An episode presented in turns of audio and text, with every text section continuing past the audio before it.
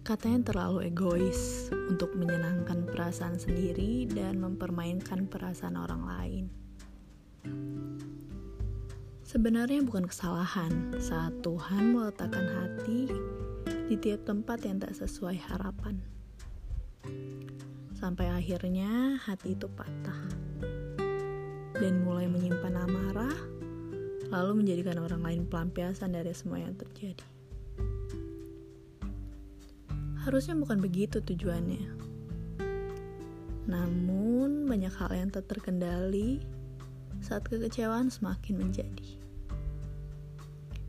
Tapi untuk yang terakhir kali, dijahati atau menyakiti bukan permainan yang menarik lagi. Sejak itu aku berhenti, lalu sekarang aku mencintai diri yang baru ini.